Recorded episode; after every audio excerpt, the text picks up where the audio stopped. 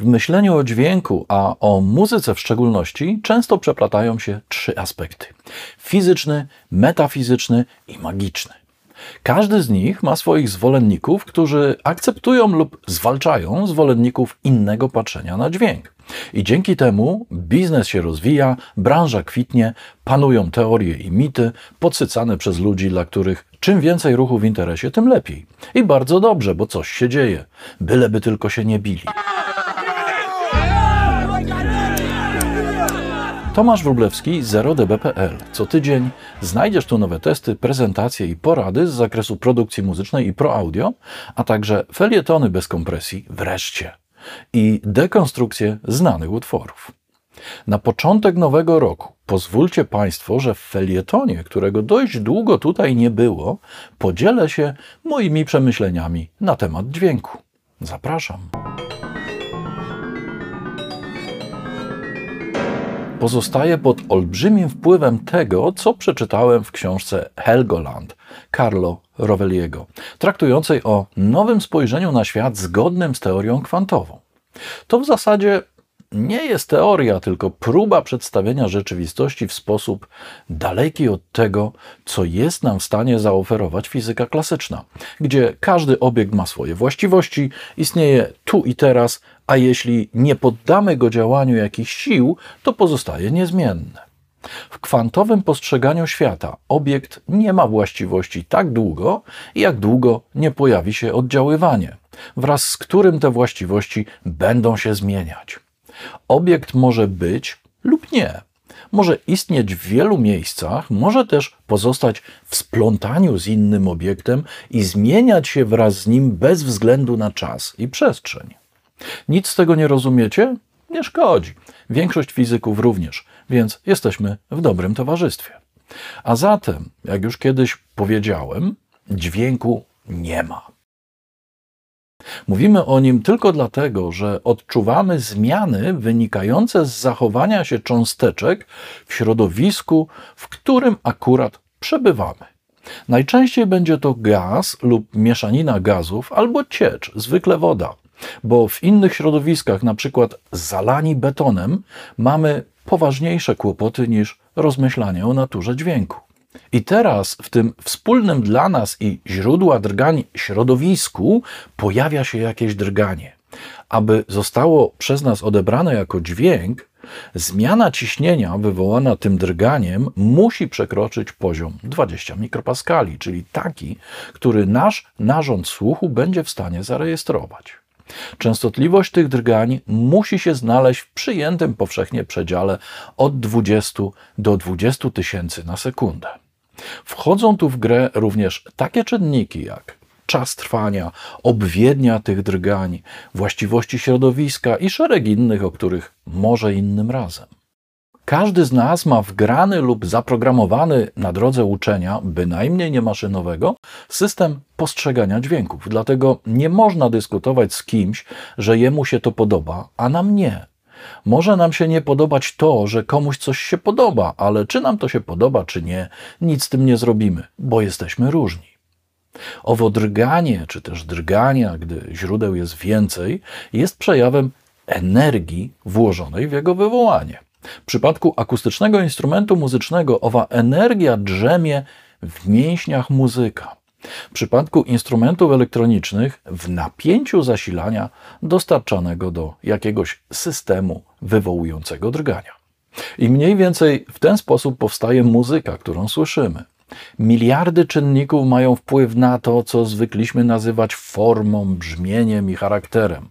Ale kolejne miliardy miliardów czynników mają wpływ na to, jak tę formę, brzmienie i charakter odczujemy my jako słuchacze. Załóżmy, że koncert muzyki klasycznej został zarejestrowany za pomocą mikrofonów, bo póki co inaczej się nie da. I teraz zaczynamy dyskusję na temat wiarygodności brzmienia, która już z gruntu jest bezcelowa i w pewnych środowiskach zakończy się obraźliwymi słowy wobec interlokutorów. Jaki mikrofon i mikrofony, jak ustawiony, gdzie, czy w grę wchodzą też mikrofony podpórkowe, czy tylko ogólne, czy akustyka jest naturalna, czy sztuczna, czy mikrofony ustawić tam, gdzie pierwszy skrzypek, dyrygent, słuchacz w pierwszym rzędzie, słuchaczka w dziesiątym, czy na balkonie. Dalej. Drgania wywoływane przez instrumenty zaburzają strukturę środowiska, czyli tutaj powietrza. Jego cząstki zaczynają się przemieszczać, przekazując sobie wzajemnie energię drgań i wywołując nieskończoną liczbę interakcji względem siebie, obiektów przejmujących tę energię lub jej część i elementów, które jej nie przejmują, bo są zbyt sztywne, twarde lub masywne i nic poza dynamitem, tudzież młotem pneumatycznym ich nie rusza. I w cały ten energetyczny chaos wstawiamy mikrofon. Dwa lub więcej, w nadziei na to, że przetworzą go do proporcjonalnych zmian napięcia, które po iluś etapach kolejnego przetwarzania, łącznie z procesem odwrotnym po stronie słuchacza, zapewnią mu poczucie obecności w tej sali koncertowej. Naprawdę w to wierzycie? Naprawdę myślicie, że każdy z elementów tego całego łańcucha przekazywania energii jest na tyle uprzejmy, że nic w jej transferze nie zmienia?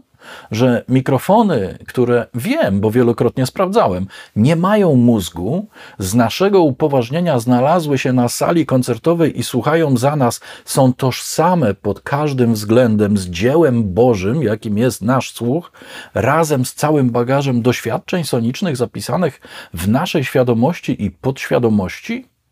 Otóż nie. To wszystko jest iluzją, taką samą jak zdjęcie czy film. Od sposobu wykonania tej iluzji zależy, czy będzie nam się podobać, czy nie, ale nigdy nie będzie ona prawdą.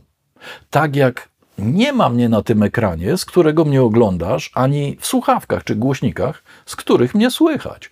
To tylko zmiany stanu elementów wyświetlacza i drgania przetworników. Taka magiczna sztuczka wynikająca z wiedzy tworzących ją osób, właściwości materiałów oraz nieskończonej liczby oddziaływań. Jeśli u podstaw, u źródła całego tego procesu dostarczania nam dźwięku pod postacią muzyki leży iluzja i mniejsza lub większa umiejętność jej wykorzystania, to jak możemy mówić o naturalności tak zwanego brzmienia, jego charakterze i innych aspektach? To tak jak z kolorem, nigdy nie jest rzeczą jednoznaczną i jednakową dla wszystkich i wszędzie to kumulacja wrażeń zmysłowych połączona z nakładanym na nie naszym osobistym, absolutnie unikalnym filtrem.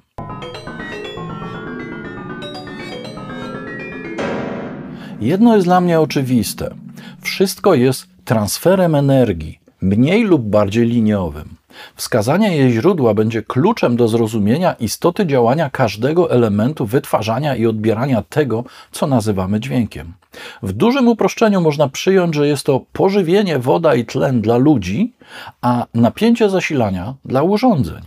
Żaden sygnał sam się nie wzmocni, nie konwertuje i nie transmituje. Wszystkie te procesy są efektem modulacji energii przez jakieś elementy wykonawcze, np. palce lub tranzystory. Te ostatnie sterowane ze źródła o mniejszym lub innym potencjale energetycznym działają jak kran w łazience, w którym małymi ruchami sterujemy dużym przepływem wody. Wielu osobom wydaje się, że woda leci z kranu, ale to pominięcie istoty rzeczy. Ona leci z systemu rur, którego kran jest zakończeniem. I to, że będzie on ze złota, w najmniejszym stopniu nie poprawi smaku danej wody. Nie bez powodu na wstępie wspomniałem o książce Helgoland Carlo Rovelliego jako moim źródle inspiracji i mam wrażenie, że czujecie teraz to, co ja po jej lekturze. Nie za dużo z tego rozumiem, ale wiem, że nic już nie jest takie, jakim było kiedyś. A jednak warto zapoznać się z nieco innym, być może jedynym rozsądnym punktem widzenia. Cały czas trzymając się jednego oczywistego i niezmiennego zera decybeli. PL